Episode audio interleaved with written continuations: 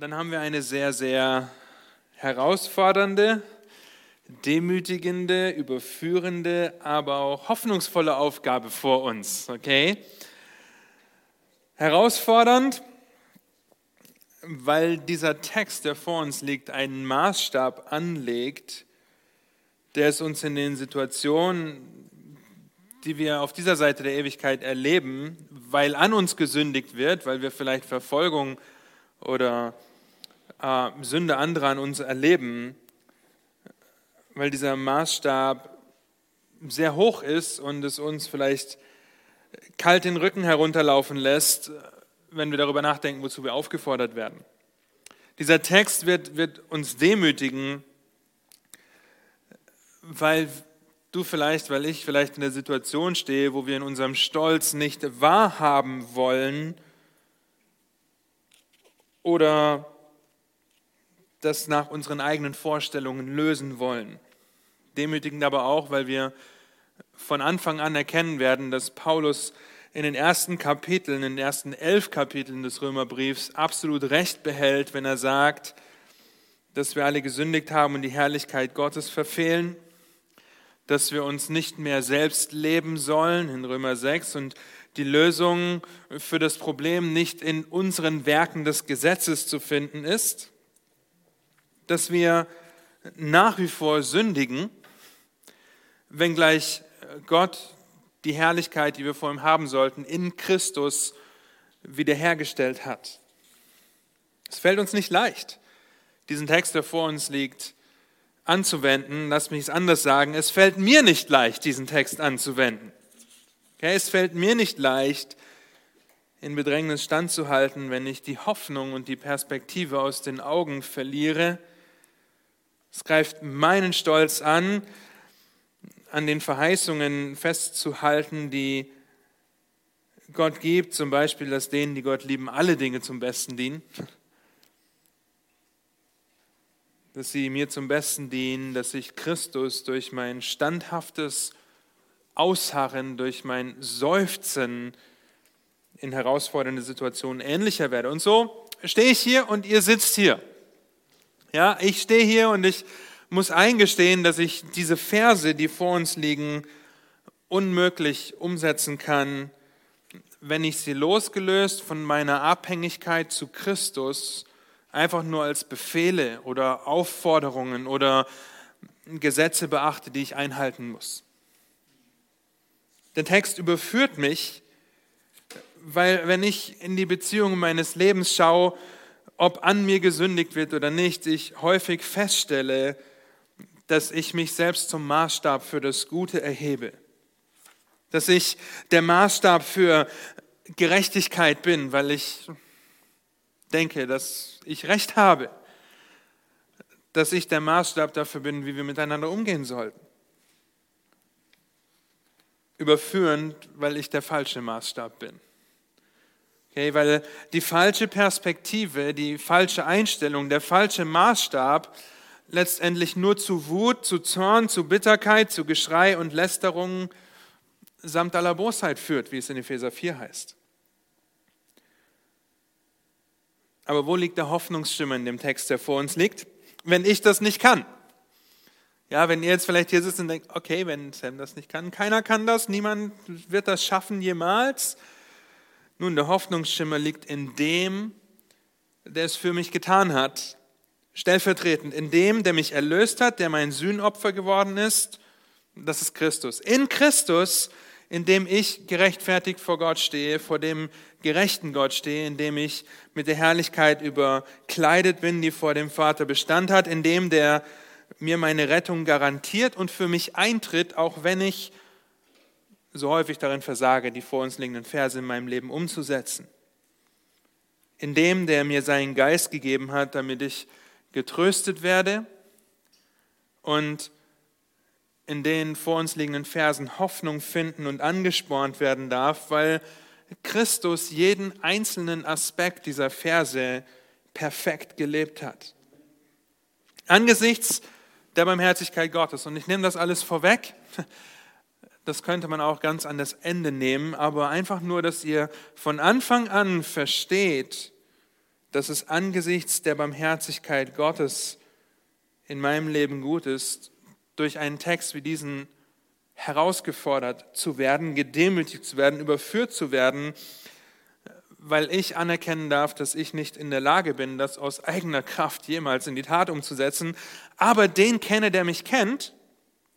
Und der mir seine Barmherzigkeit erwiesen hat, die mich anspornt, in seiner Kraft ihm nachzueifern. In der Kraft, die Christus aus den Toten erweckt hat, Römer 8, Vers 11. Die Kraft Gottes, die einen Sünder rettet und einen sündigenden Heiligen, wie ich es bin, verändert. Römer 1, Vers 16, 17, Römer 12, Vers 2. Die Kraft Gottes, durch die ich mit allem ausgerüstet als lebendiges Opfer und Werkzeug in Gottes Hand leben will. Das spornt mich an. Und so wollen wir diesen großen Gott, der uns seine Barmherzigkeit erwiesen hat, um Hilfe bitten, bevor wir uns mit dieser überführenden Frage beschäftigen. Liebst du ungeheuchelt? Und uns vier unmögliche Aufforderungen anschauen. Und ihr werdet gleich sehen, oder habt das auf eurem Handout, wenn ihr es ausgedruckt habt, schon gesehen, unmöglich, das Un steht in Klammern, wie ihr gleich seht, weil es, nur, weil es in Christus möglich ist, diesen Aufforderungen zu folgen. So lasst mich beten, bevor wir Römer 12, die Verse 9 bis 21 gemeinsam lesen.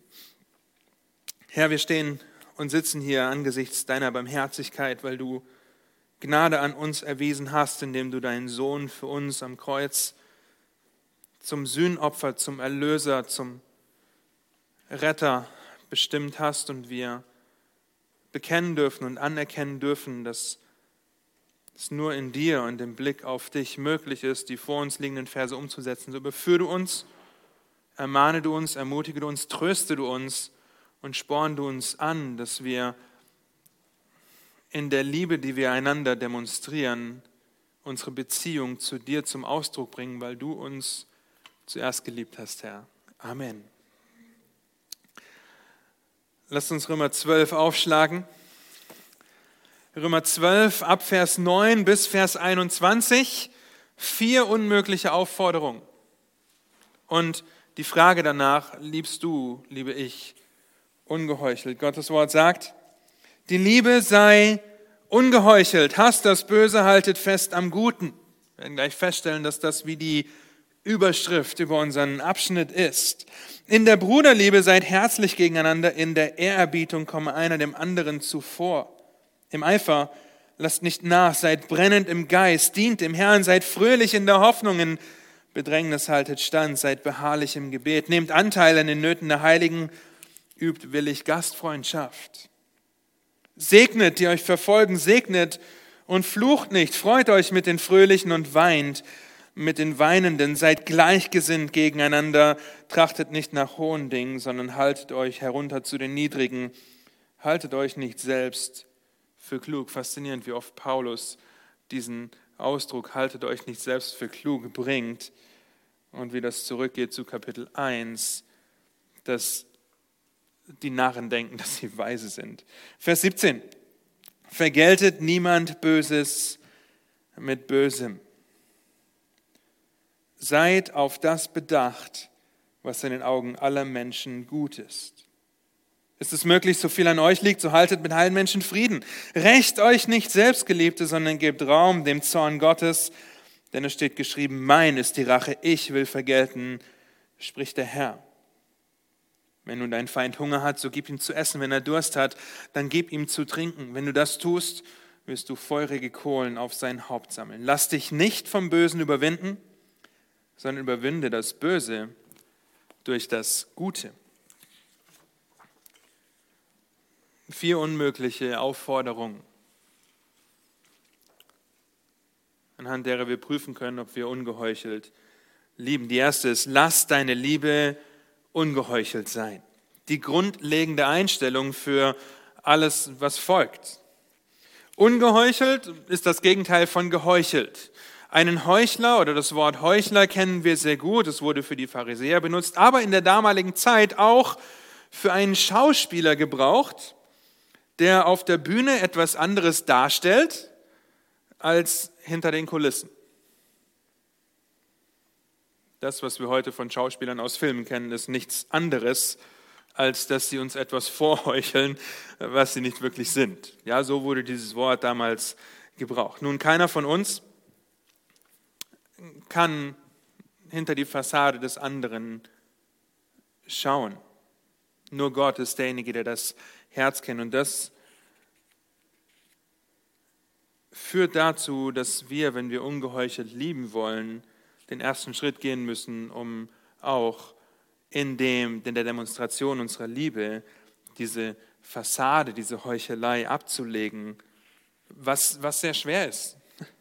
Ja, es ist keine Frage, dass es schwer fällt, weil man dann ja zugeben müsste, dass man herausgefordert ist, diese Verse umzusetzen, weil man dann zugeben müsste, dass man abhängig ist, dass man seine eigene Schwäche zugeben müsste. Aber wie fangen wir an, ungeheuchelt zu lieben? Wie ist das möglich laut Vers 9? Indem wir das Böse hassen und am Guten festhalten. Die Verbindung zu Vers 2 und die Parallele, die wir sehen, ist sehr, sehr deutlich. Okay? Oder Vers 1 und 2 sogar, wenn, wenn wir angesichts der Barmherzigkeit Gottes geben wir uns als lebendiges Opfer hin. Wir, wir lieben ungeheuchelt, weil er uns zuerst geliebt hat. Und dann Vers 2 und Vers 9b, hasst das Böse, passt euch nicht diesem Weltlauf an und haltet fest am Guten. Lasst euch verwandeln durch die Erneuerung eures Sinnes, damit ihr was prüfen könnt? Unter anderem den guten Willen Gottes. Es ist also nicht so, dass wir beides machen können. Es ist ein Entweder oder. Du kannst nicht am Guten festhalten, ohne das Böse zu hassen. Und du kannst nicht das Gute lieben, ohne das Böse zu hassen. Äh, das Böse lieben, ohne das Gute zu hassen. Ja, und das Konzept des Festhaltens in Vers 9 ist ein, ein sehr wichtiges Konzept in der Schrift, weil was ist Festhalten? Ja, wie, wie können wir es festhalten? Wir finden es an anderen Stellen wieder. Ich zeige euch zwei Stellen, wo dasselbe Wort in der griechischen, im Griechischen vorkommt. Einmal Psalm 119, Vers 25. Meine Seele klebt am Staub, belebe mich nach deinem Wort.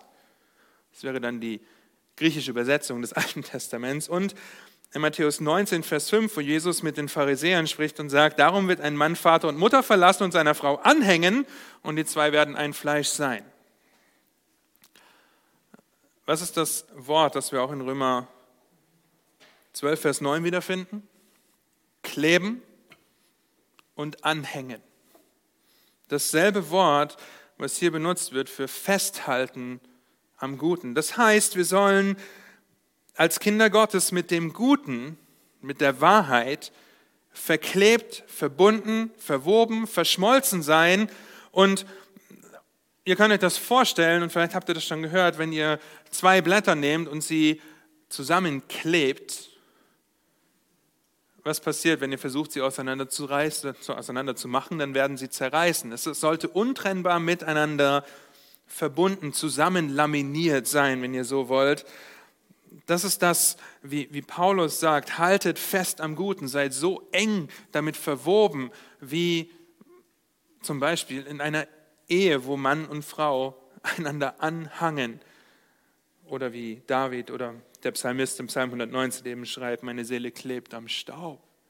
Ich kriege sie nicht los davon. Ich brauche das Leben durch dein Wort. Wie ist das möglich?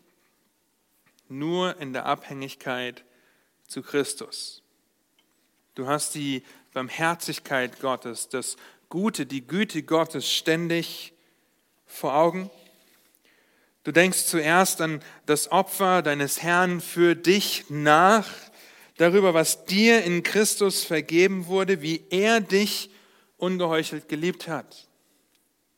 Das heißt, wenn du mit Christus diese enge Beziehung lebst und ihn als den behandelst, der er ist, nämlich eine reale Person, der du alles sagen kannst und von der du dir alles sagen lässt, weil er dein Herr und Retter ist, wie wir in Kapitel 10 gesehen haben, dann wirst du mit der Zeit und mit dem Vertrauen auf Christus zu einem Menschen, der durch Gottes barmherzige Liebe erweicht, schnell Wege findet, anderen diese treue, aufopfernde, barmherzige, ungeheuchelte Liebe zu zeigen.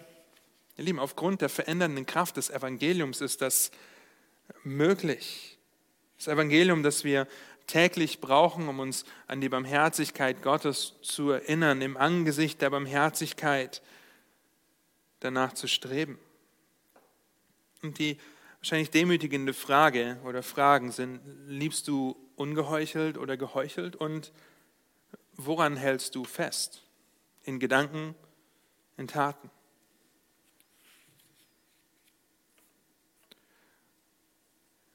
Aber ist es dann laut Vers 9, ist es nicht ganz klar und deutlich, dass diese ungeheuchelte Liebe in der Beziehung zu unseren Geschwistern automatisch vorhanden ist? Nein, die zweite unmögliche Aufforderung, die wir in dem Text haben, ist, wachse in der Liebe zu deinen Geschwistern. Warum ist das so wichtig und warum setzt Paulus das an diese Stelle? Nun, wer waren diese Geschwister, die diesen Brief empfangen haben? Die Christen in Rom. Woraus bestand die Gemeinde? Aus Juden und aus Heiden. Aus Juden und aus Römern, aus Juden und deren Besatzungsmacht. Zwei Welten, die aufeinander prallen. Zwei Welten, die ohne das Vereintsein im Tod Christi nicht miteinander klargekommen sind. Okay, die Juden hassten die Heiden. Das fing schon bei den Samaritern an. Ihr könnt Johannes 4 lesen, wie sie nicht verstehen, wie Jesus mit der Samariterin redet, wie sie später in, im Lukas-Evangelium darüber entrüstet sind, dass der Barmherzige ein Samariter ist und nicht jemand anders. Und Andersrum verabscheuten die Heiden die Juden. Aber jetzt sind sie eins in Christus und müssen in einer gefallenen Welt mit einem sündigen Leib lernen, einander ungeheuchelt zu lieben und darin zu wachsen in der Liebe zueinander. Das heißt, wenn du am Guten festhältst und das Böse hast, dann wird es dazu führen, dass du bereit bist, herzlich zu dienen. Aufrichtig zu dienen, fleißig zu dienen, wie wir in Versen 10 und 11 sehen. Denn aufrichtige Liebe, ungeheuchelte Liebe folgt Christi Fußstapfen, folgt seinen Fußspuren, aber du kannst das nur, indem du in seinen Fußspuren wandelst, indem du in ihm bist.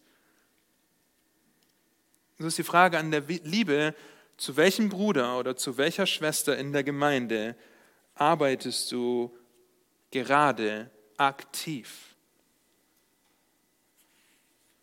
Folgende Aussage ist für einen stolzen Menschen, der geheuchelte Liebe lebt und sich dennoch zu Gott bekennt, wahrscheinlich sehr frustrierend und demütigend. Das heißt, Zitat, ich weiß leider nicht, von wem das kommt, die Person, die zu lieben dir am schwersten fällt, zeigt deine Liebe zu Gott. Nun, wenn das das Barometer für meine Liebe zu Gott ist, besonders auch dann, wenn es um die Hausgenossen des Glaubens geht, um meine Geschwister geht, ihr Lieben, dann habe ich eine Menge zu lernen. Dann habe ich eine Menge zu lernen, weil mit geheuchelter Liebe wird es unmöglich sein, meine oder du, deine Geschwister herzlich und mit Ehrerbietung zu lieben.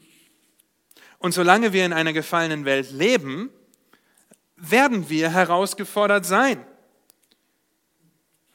Werden wir herausgefordert sein und zusätzlich werden wir unsere Geschwister aus der falschen Motivation heraus lieben, geheuchelt lieben. Weil wir Anerkennung wollen, zeigen wir, wie toll wir dienen können.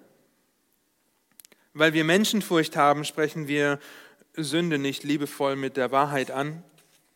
Weil wir unsere Ruhe wollen, gehen wir Problemen aus dem Weg und heucheln Freude, Friede und Eierkuchen vor. Kannst du mit einer Herzlichkeit, die, wie sie Eltern ihren Kindern gegenüber empfinden, mit deinen Geschwistern zusammen sein? Stellst du deine Geschwister vor dich? Schätzt du sie wert? Mit anderen Worten, kommst du ihnen in der Ehrerbietung zuvor, dass du sie hervorhebst für das, wer sie sind und was sie tun und wie sie ein Vorbild für dich sind, egal wie lange oder wie kurz sie gläubig sind? Hörst du ihnen zu, ohne ihnen sofort ins Wort zu fallen? Hast du ihre Gnadengaben im Blick und ermutigst sie darin? Gibst ihnen Möglichkeiten zu dienen, dir zu dienen? Und tust du das mit Eifer, mit einem brennenden Herz? Wenn du deinen Nächsten dienst, weil du an den Dienst denkst, den Gott dir erwiesen hat, angesichts der Barmherzigkeit Gottes, wird sich deine Beziehung zu Christus in der Beziehung zu deinen Geschwistern widerspiegeln und du wirst dem Herrn dienen, brennend dafür sein. Paulus sagt in Vers 11 mit anderen Worten, sei nicht faul, sondern fleißig. Lass nicht nach. In der Bemühung, deine Liebe zu Gott, in deiner Liebe und dem Dienst an deinen Geschwistern zu demonstrieren. Und am Rande bemerkt ist der Eifer in Vers 11 ein anderer Eifer, ein anderes Wort wie in Kapitel 10, wo die Juden einen falschen Eifer an den Tag legen. Das ist hier ist die Bemühung, etwas zu demonstrieren, aber nicht der Eifer, etwas zu erreichen. Deine ungeheuchelte Liebe deinen Geschwistern gegenüber zu demonstrieren, wird sich auch in der Aufrichtigkeit zeigen, wie du sie ermutigst. Verse 12 und 13. Wie reagierst du in deinem Leben auf Herausforderungen wie Leid oder Sünde an dir? Und ich sage euch, welche Reaktion viel zu einfach ist. Es ist viel zu leicht, Vers 12 zu ignorieren und unsere Liebe nicht zu zeigen. Es ist kein Problem, häufig ist es kein Problem für uns, uns über die Umstände in unserem Leben zu beschweren.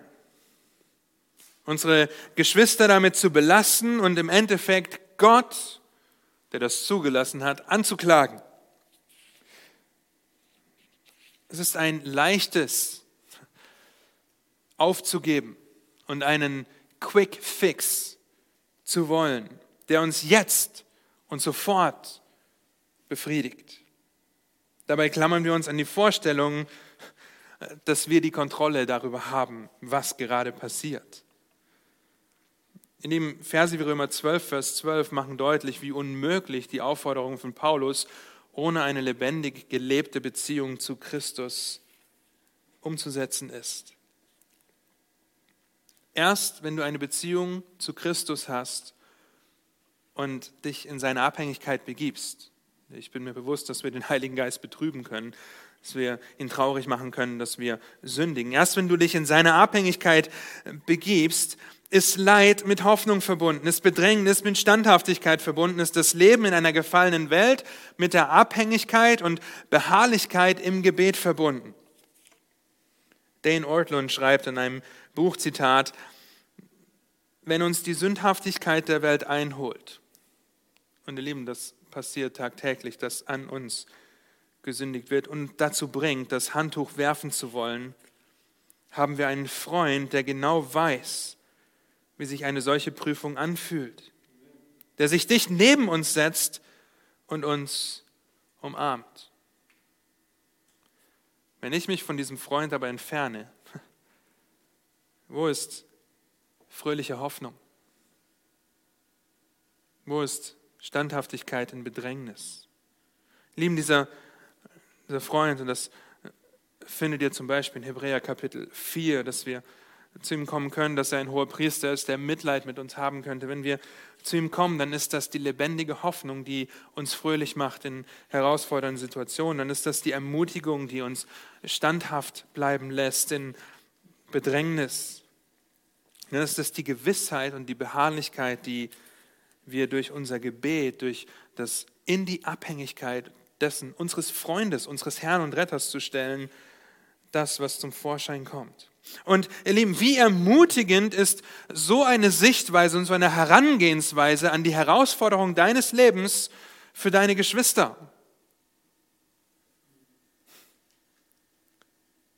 Ist deine Liebe von aufrichtiger Ermutigung geprägt, weil du in schweren Situationen deinen und durch dein Zeugnis den Blick deiner Geschwister auf deinen Erlöser, auf deinen Herrn und deinen Freund lenkst? Vers 13 werden wir aufgefordert, Anteil zu nehmen, unsere Geschwister zu kennen.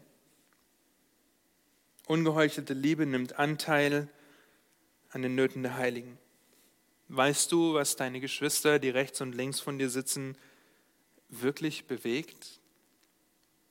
Wie du für sie beten, wie du ihnen dienen kannst? Andersherum gefragt, lässt du dir vertraute Geschwister Anteil an deinen Nöten haben, dass sie Anteil nehmen können?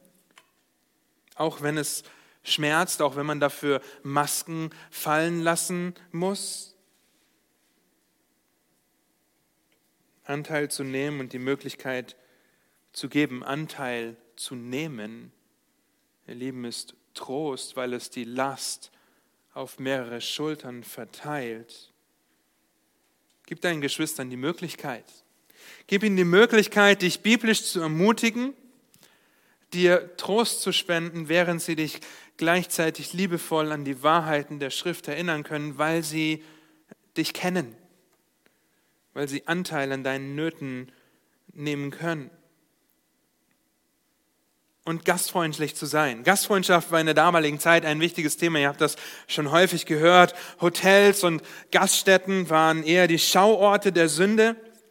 Und so sollten die Geschwister damals andere, ihnen unbekannte Geschwister im Herrn aufnehmen und so Anteil an den zusätzlichen Nöten derjenigen nehmen, die eine Unterkunft brauchten. Das Anteil nehmen, das gastfreundlich sein, erstreckt sich also darüber hinaus, einfach nur für den anderen zu beten, ja, sondern ihm aktiv zur Seite zu stehen. Gastfreundschaft ist ein so wichtiges Thema, dass sie sogar auf die Qualifikation für Diakone und Älteste angewandt wird, um zu demonstrieren, ob sie sich qualifizieren für den Dienst für diese Verantwortung oder nicht. Wann hattest du das letzte Mal Gäste? Auch in Zeiten von Corona. Wann hattest du das letzte Mal Gäste, die du durch deine Gastfreundschaft ermutigt hast? Als Kind Gottes wird es dein Verlangen oder sollte es dein Wunsch und Verlangen sein, darin zu wachsen deine Geschwister ungeheuchelt zu lieben. Aber das geht nur in der Abhängigkeit von dem, der uns ungeheuchelt geliebt hat, als wir noch Feinde waren. Nur wenn wir, wenn ich, wenn du, wenn die Barmherzigkeit Gottes stetig vor unseren Augen ist und wir werden das wahrscheinlich bis Römer 16 in jeder Predigt hören, dass Römer 12, Vers 1 und 2 die Grundlage für das sind, was wir hier lernen werden angesichts der Barmherzigkeit Gottes kann ich lieben, weil er mich zuerst geliebt hat. Nun, das war der einfache Teil. Denn das, was folgt, kann sehr herausfordernd sein. Es ist kein Geheimnis, dass Kinder Gottes Verfolgung erleiden werden. Ja, dass äh, wir manchmal leiden aufgrund der Sünde von Geschwistern, was wir in Galater 6, Vers 1 und 2 sehen, in Matthäus 18 und an anderen Stellen, dass wir manchmal aufgrund der Sünde Ungläubiger leiden, die Gottes Wahrheit mit allen Mitteln versuchen zu unterdrücken. Ersteres sollte nicht so sein, ist aber so, weil wir in einer gefallenen Welt leben. Zweiteres wird uns in der Schrift von Christus selbst und von Paulus sogar versprochen. Nun, die restlichen Verse untermauern die Tatsache, dass wir in einer gefallenen Welt voller Sünde leben.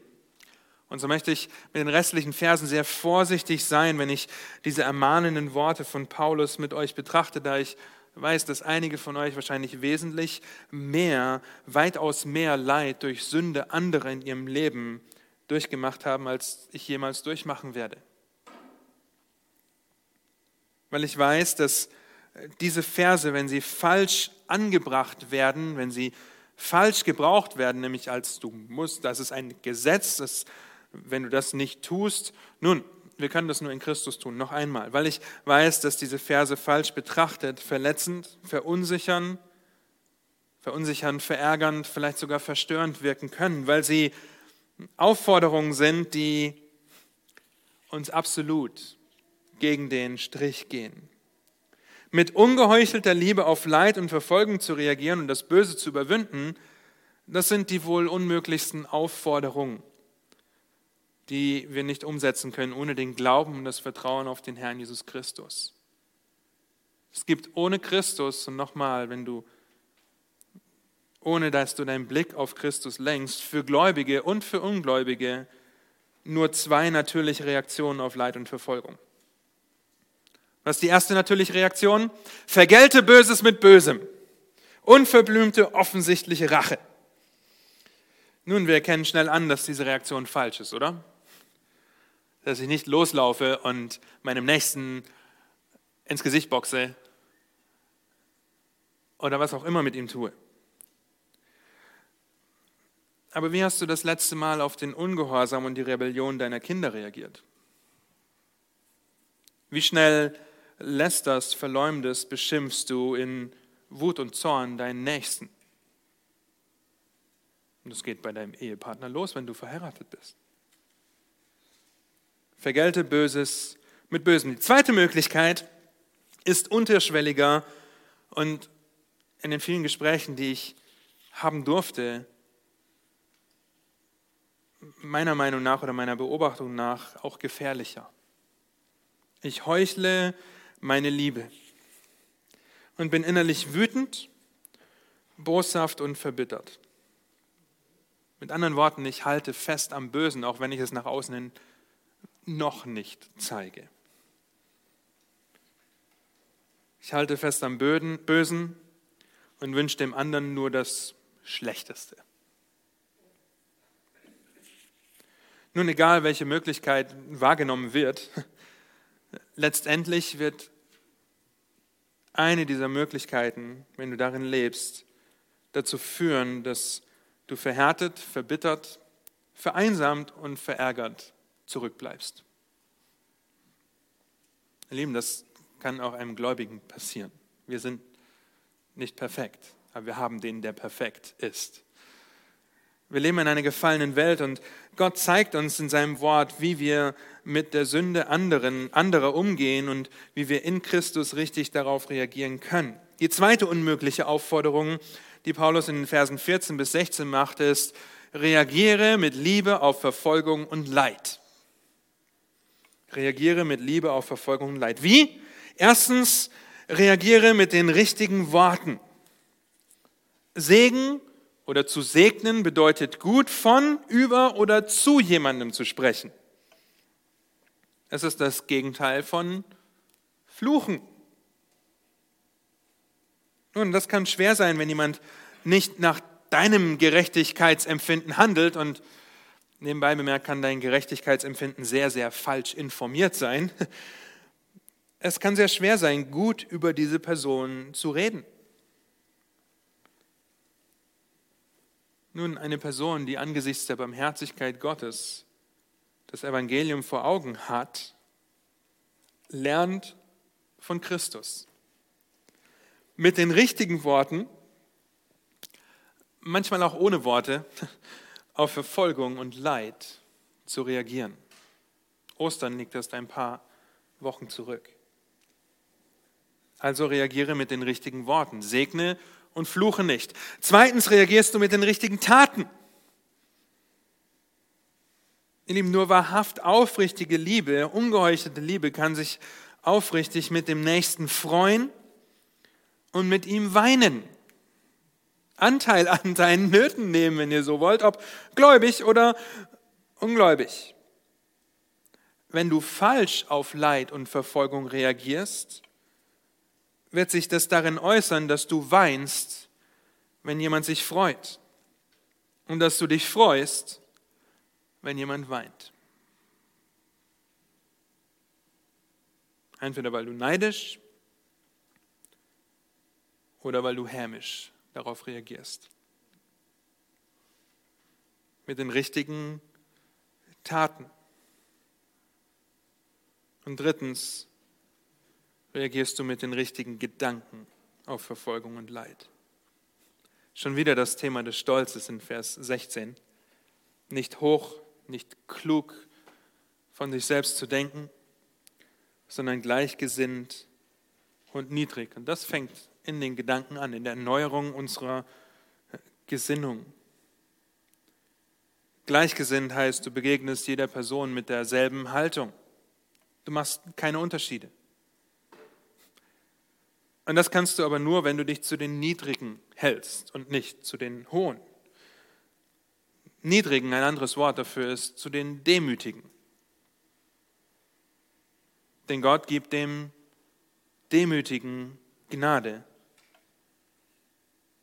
Und ihr lieben Gott selbst ist von Herzen demütig.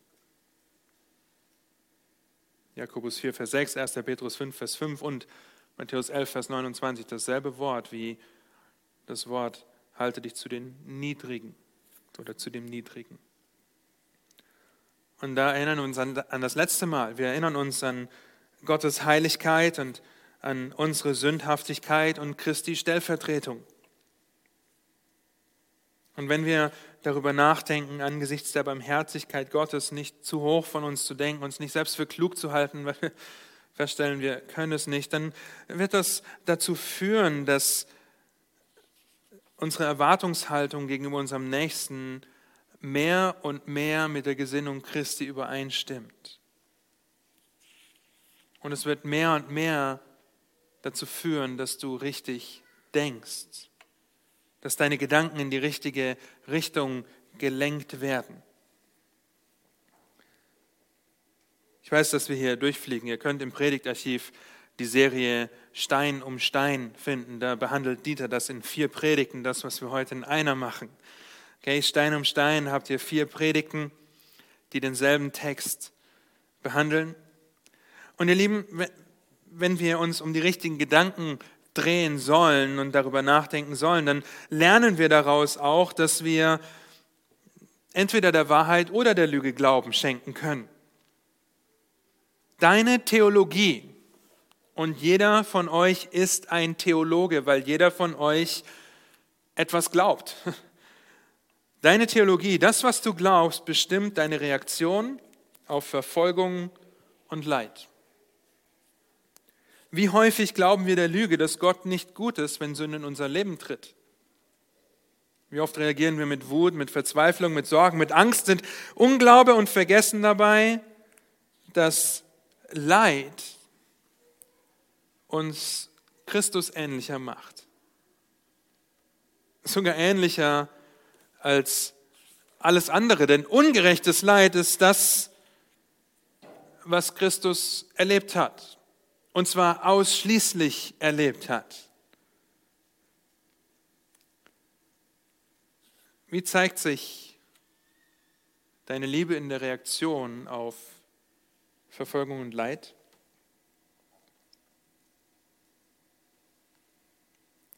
Verse 17 bis 21 bringen das zum Abschluss und bringen die Strategie zum Vorschein wie wir selbst in den widrigsten Umständen Liebe üben und das Böse durch sie überwinden können. Die letzte unmögliche Aufforderung. Überwinde das Böse durch die Liebe. Warum durch die Liebe? Nun, in Römer 13, Vers 10 heißt es, die Liebe tut dem Nächsten nichts Böses. So ist die Liebe die Erfüllung des Gesetzes.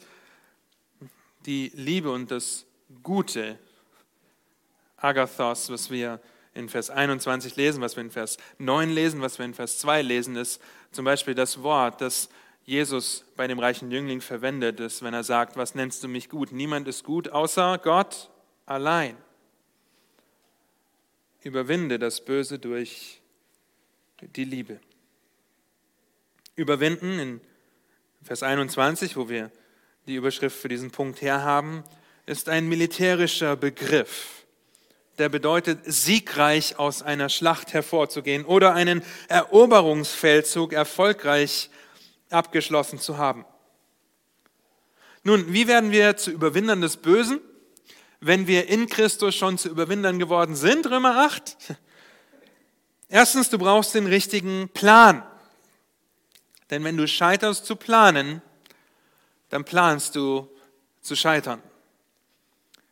Vers 17, vergeltet niemand Böses mit Bösem. Und da kommen wir gleich noch hin. Dann kommen sehr wichtige Worte. Seid auf das bedacht. Wenn ihr die Angewohnheit habt zu markieren in eurer Schrift, dann markiert euch das und wir werden dieses Wort näher betrachten.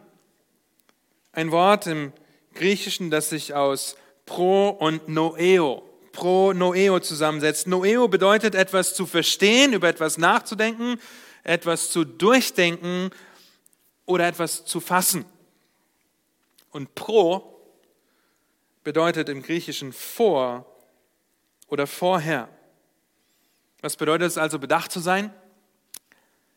Sich vorher hinzusetzen und vorzudenken, vor zu überlegen und vorher zu entscheiden, wie wir in Situationen, in denen an uns gesündigt wird, reagieren wollen.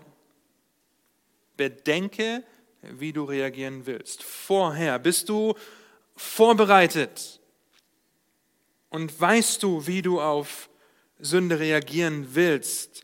Planst du vorher, das zu tun, was gut ist. Carlos, ein anderes Wort hier im Griechischen, was gut in den Augen aller Menschen ist.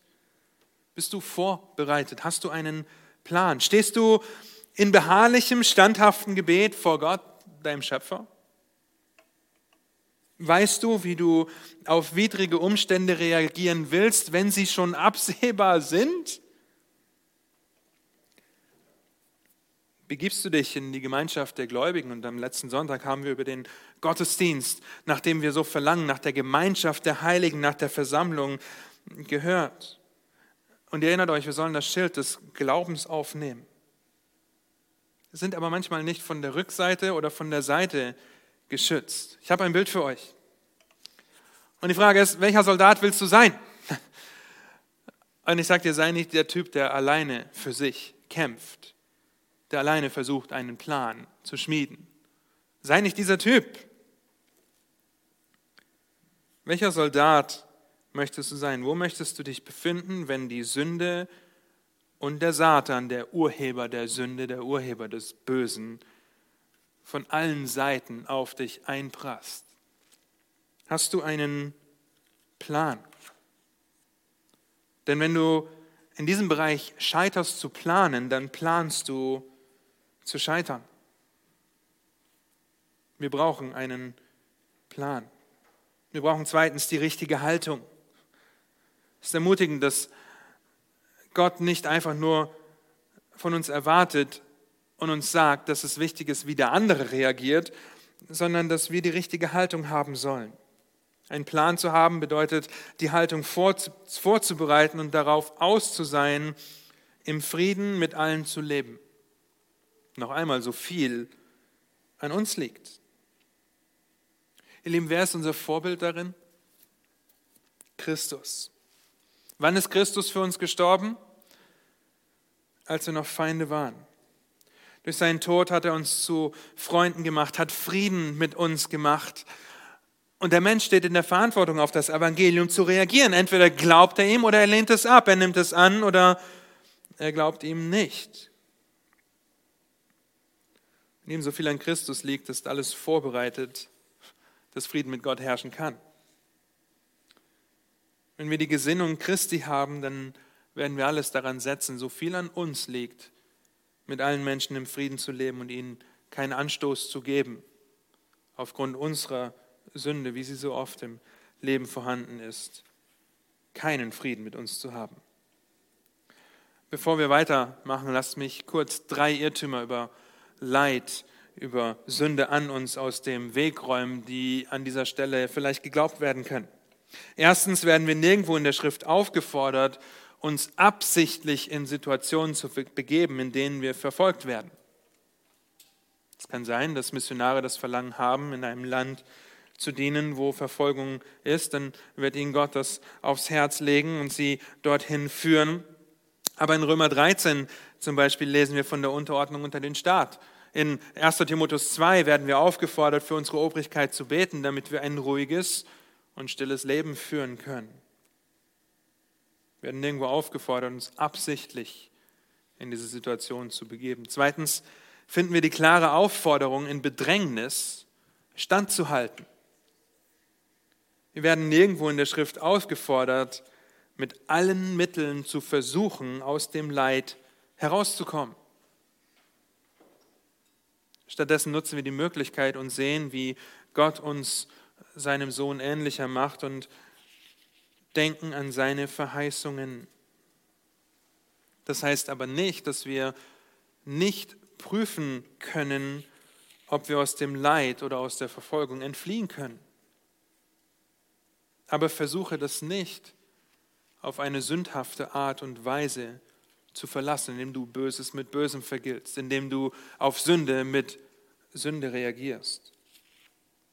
Und drittens werden wir an keiner Stelle der Schrift herausgefordert, Leid und Verfolgung einfach herunterzuspielen oder zu verharmlosen. Es ist real und es ist schmerzhaft, es ist grausam. Sünde ist ein Gräuel vor Gott.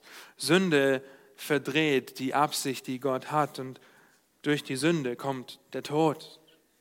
Durch die Sünde geschehen uns schreckliche Dinge. An uns wird gesündigt.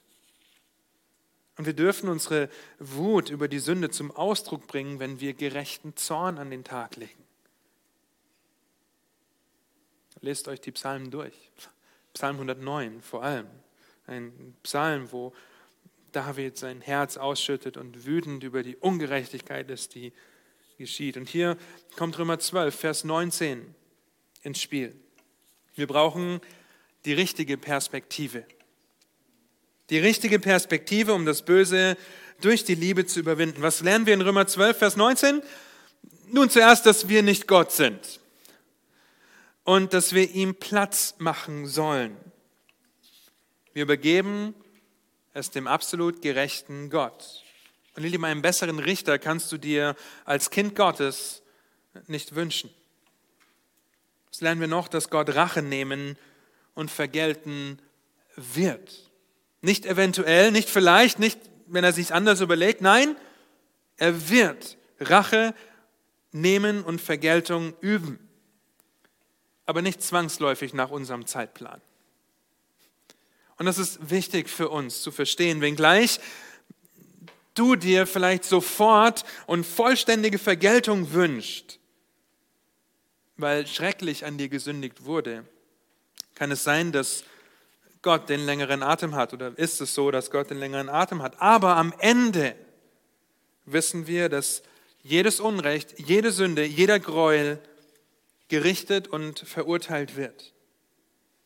Und ihr Lieben, dieses Gericht fällt härter aus, als jede deiner Fähigkeiten Vergeltung zu üben. Rechtfertige deine Sünde nicht mit Sünde, sondern habe die richtige Perspektive, denn du bist für deine Reaktion auf die Umstände in deinem Leben verantwortlich vor Gott und wirst von ihm zur Rechenschaft gezogen werden dafür. Aber wie sieht es aus, wenn Gottes Zorn Raum bekommt? wenn er vergilt und Rache übt. Nun, es gibt zwei Möglichkeiten. Wenn du dein Glauben und Vertrauen nicht auf Jesus Christus und seinen stellvertretenden Tod am Kreuz gesetzt hast, nicht vor ihn trittst mit leeren Händen und ihm glaubst, dann wird der Zorn Gottes, die Vergeltung und die Rache in vollem Ausmaß auf dich fallen. Und du wirst die Ewigkeit getrennt von Gott, ohne Gott, in der ewigen Hölle verbringen, weil Gott ein gerechter Richter ist. Die zweite Möglichkeit ist, wenn du Christus als dein Herrn und Retter kennst und ihn bekennst, dann kommt der gesamte Zorn, die gesamte Rache und Vergeltung am Kreuz stellvertretend für dich über Christus. Weil Gott Sünde niemals ungestraft lassen kann.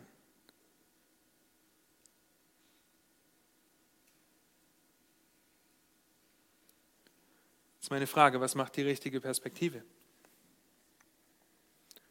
Was macht sie und auf welcher dieser beiden Seiten des Zornes Gottes stehst du?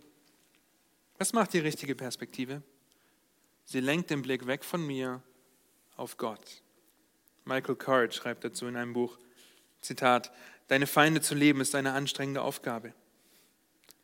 Wenn unsere Herzen mit Gefühlen der Wut überschwemmt werden, lernen wir, sie als einen Akt der Anbetung demjenigen darzubringen, dem wir vertrauen, dass er selbst noch entrüsteter und noch erzürnter ist und er im Namen der Armen aus seiner gerechten Barmherzigkeit handeln wird. Zitat Ende. Die richtige Perspektive verwandelt deine Rachsucht in demütige Liebe, weil du dich an den klammerst, der Rache nehmen wird. Und deine Rache nehmen wird, die ewige Konsequenzen für einen verlorenen Sünder hat. Mit der richtigen Perspektive wirst du anfangen, Gott anzuflehen, dass du ihm vertraust, dass du auch fragst, was ist hier los? Und dann zu dem Schluss kommst, dass er derjenige ist, der alles in der Hand hält, lenkt und leitet. Die richtige Perspektive wird dich aber auch dazu bringen, dass du auf deine Knie gehst und für deine Feinde betest, weil du nicht willst, dass in die, dass in die Hand des lebendigen Gottes fallen. Du wirst beten, dass sie Buße tun und Gottes Rache stellvertretend für sie über Christus kommt. Und wir haben vorher im Psalm 97 gelesen in der Gebetsstunde.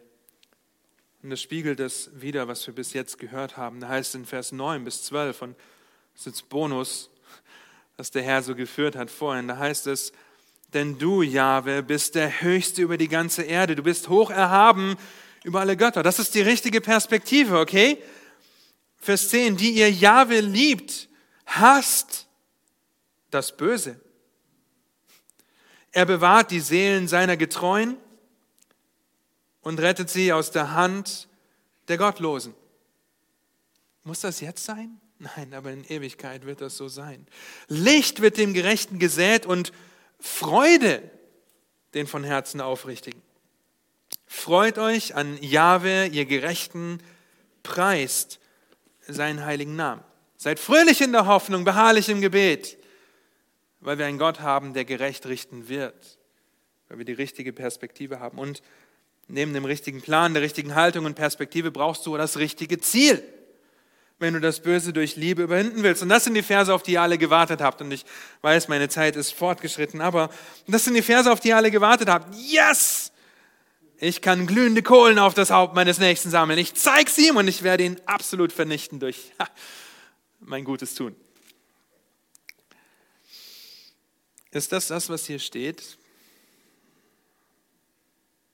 Nein, weil das richtige Ziel hat niemals die Zerstörung der Person im Blick, sondern das Besiegen des Bösen.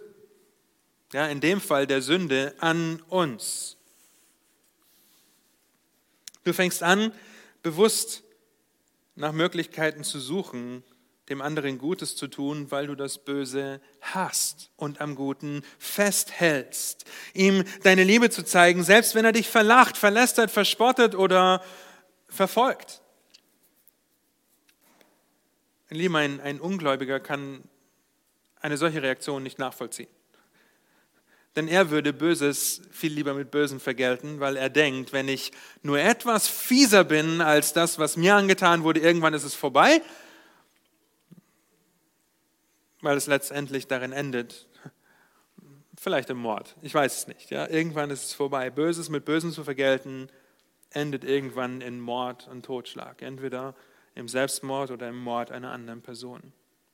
Nun, ein Ungläubiger würde das nie tun, aber selbst in meiner Begrenztheit gelingt es mir durch Gottes Gnade manchmal Gutes, äh, Böses mit Gutem zu überwinden. Manchmal das in die Tat umzusetzen, wenn ich über Arbeitskollegen nachdenke, die mir Böses tun. Manchmal durch Gottes Gnade plane ich aktiv, ihnen Gutes zu tun, habe einen Plan, Manchmal plane ich aber auch zu scheitern, weil ich scheitere zu planen. Und es gelingt mir nicht und ich rede schlecht über sie. Muss Buße tun, muss diejenigen, mit denen ich schlecht geredet habe, ob sie gläubig sind oder ungläubig sind, um Vergebung bitten. Aber schätzt mal, was die unverständlichere und ungewöhnlichere Reaktion auf Böses ist. Wenn ich Böses mit Bösen vergelte, das macht jeder.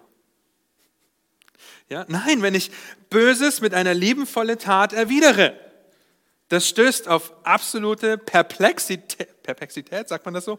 Perplexheit, sie, sind total, sie können damit nicht umgehen, weil sie das nicht erwarten.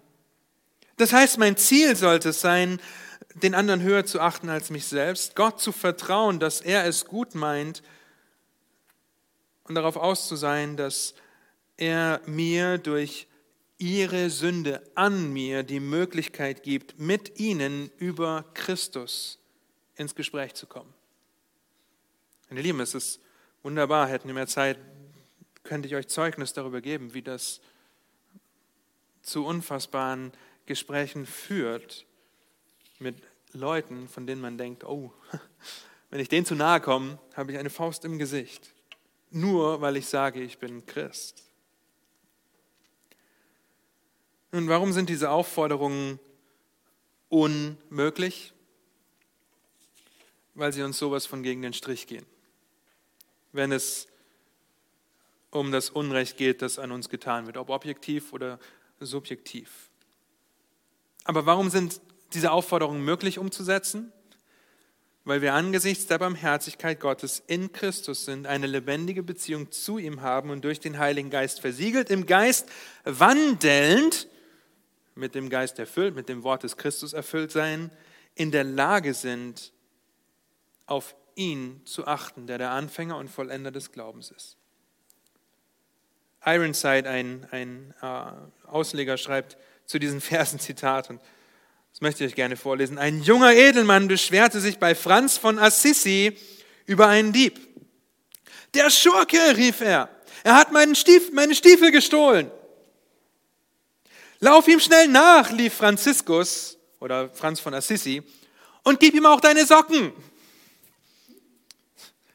Das ist der Geist des Herrn Jesus, der, wenn er geschmäht wird, nicht wieder schmäht und für den Hass immer Liebe gibt. Ich hoffe, ihr versteht die Unmöglichkeit dieser Aufforderung, wenn wir es aus eigener Kraft versuchen. Ich hoffe, dass ihr versteht, dass sie uns in die Abhängigkeit unseres barmherzigen Herrn treiben und wir nur aus ihm heraus, in ihm und durch ihm in der Lage sind, diese Art von Liebe zu demonstrieren. Wenn du deine Beziehung zu Christus, deinem Herrn und Retter, vernachlässigst, dann kann es aber auch sein, dass du anderen um dich herum die Möglichkeit gibst, ihre ungeheuchelte Liebe an dir zu demonstrieren. Nicht nur indem sie dich ungeheuchelt lieben und Anteil nehmen an deinen Nöten, sondern dass sie an dir auch demonstrieren und lernen dürfen, richtig auf Sünde zu reagieren. Und das Böse, das du ihnen durch deine Sünde antust, versuchen durch das Gute zu überwinden. Dieser Text ja, ist, können wir nicht so in Gläubige und Ungläubige trennen, weil wir alle nach wie vor in dieser Welt leben und aneinander sündigen. Liebst du ungeheuchelt? Stellst du fest, dass es dir unmöglich ist, diese vier Aufforderungen umzusetzen, wenn du nicht in einer Beziehung zu Christus lebst und den Heiligen Geist durch deine Sünde betrübst? Ich ermutige dich, auf Christus zu blicken, zu verstehen, dass Gott ultimativ und letztendlich das Böse, die Sünde, den Tod und den Teufel durch das Beste überwunden hat, was jemals irgendjemand für dich tun konnte. Er hat seinen Sohn gegeben, Christus, der ungeheuchelt geliebt hat. Christus, der immer richtig auf Verfolgung und Leid reagiert hat. Achte auf Christus, der das Böse durch seinen stellvertretenden, aufopfernden, guten Tod für dich ein für alle Mal überwunden hat. Das ist mein Gebet, dass diese Verse dich herausfordern, dass sie dich demütigen, dass sie dich überführen, aber auch ermutigen dass sie dich in die Arme Christi treiben, der angesichts seiner Barmherzigkeit ein Ansporn ist, deinen Nächsten zu lieben wie dich selbst, wie die Umstände auch immer sein mögen. Möchte schließen mit den bekannten Versen aus Epheser 4, die das noch einmal zusammenfassen, wo es heißt, ab Vers 31 bis 5, Vers 2, alle Bitterkeit und Wut und Zorn und Geschrei und Lästerung sei von euch weggetan samt aller Bosheit. Seid aber gegeneinander freundlich und barmherzig und vergebt einander, gleich wie auch Gott euch vergeben hat in Christus. Werdet nun Gottes Nachahmer als geliebte Kinder und wandelt in der Liebe, gleich wie auch Christus uns geliebt und sich für selbst für uns hingegeben hat, als Darbringung und Schlachtopfer zu einem lieblichen Geruch für Gott. Lass mich noch beten.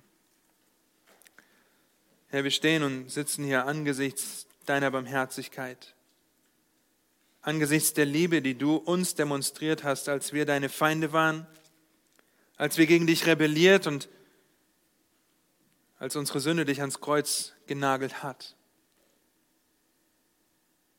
Hab du Dank dafür, dass du uns so sehr geliebt hast, mit ungeheuchelter Liebe. Und so bete ich darum, dass du uns hilfst, untereinander als Geschwister, dass wir in der Bruderliebe, in der Geschwisterliebe zueinander wachsen, damit jeder an der Liebe, die wir untereinander haben, erkennen kann, dass wir deine Jünger sind. Ich bete aber auch, dass du uns darauf vorbereitest, richtig auf Leid und Verfolgung zu reagieren, sei es durch sich ständig ändernde Maßnahmen, die vielleicht darauf abzielen, die Gemeinden wieder zu schließen, sei es durch Arbeitskollegen, sei es durch Familienmitglieder oder auch Geschwister in der Gemeinde, wenn sie an uns sündigen. Hilft uns, dass wir mit Liebe überwinden, indem wir das Gute tun, weil wir am Guten festhalten und das Böse hassen, weil du uns erlöst hast. Hilft uns, richtig zu planen und uns vorzubereiten damit du am Ende die Ehre bekommst, weil wir feststellen, dass wir es aus eigener Kraft niemals können und diese Aufforderungen unmöglich für uns sind, wenn wir nicht in der Abhängigkeit zu dir leben, Herr. Amen.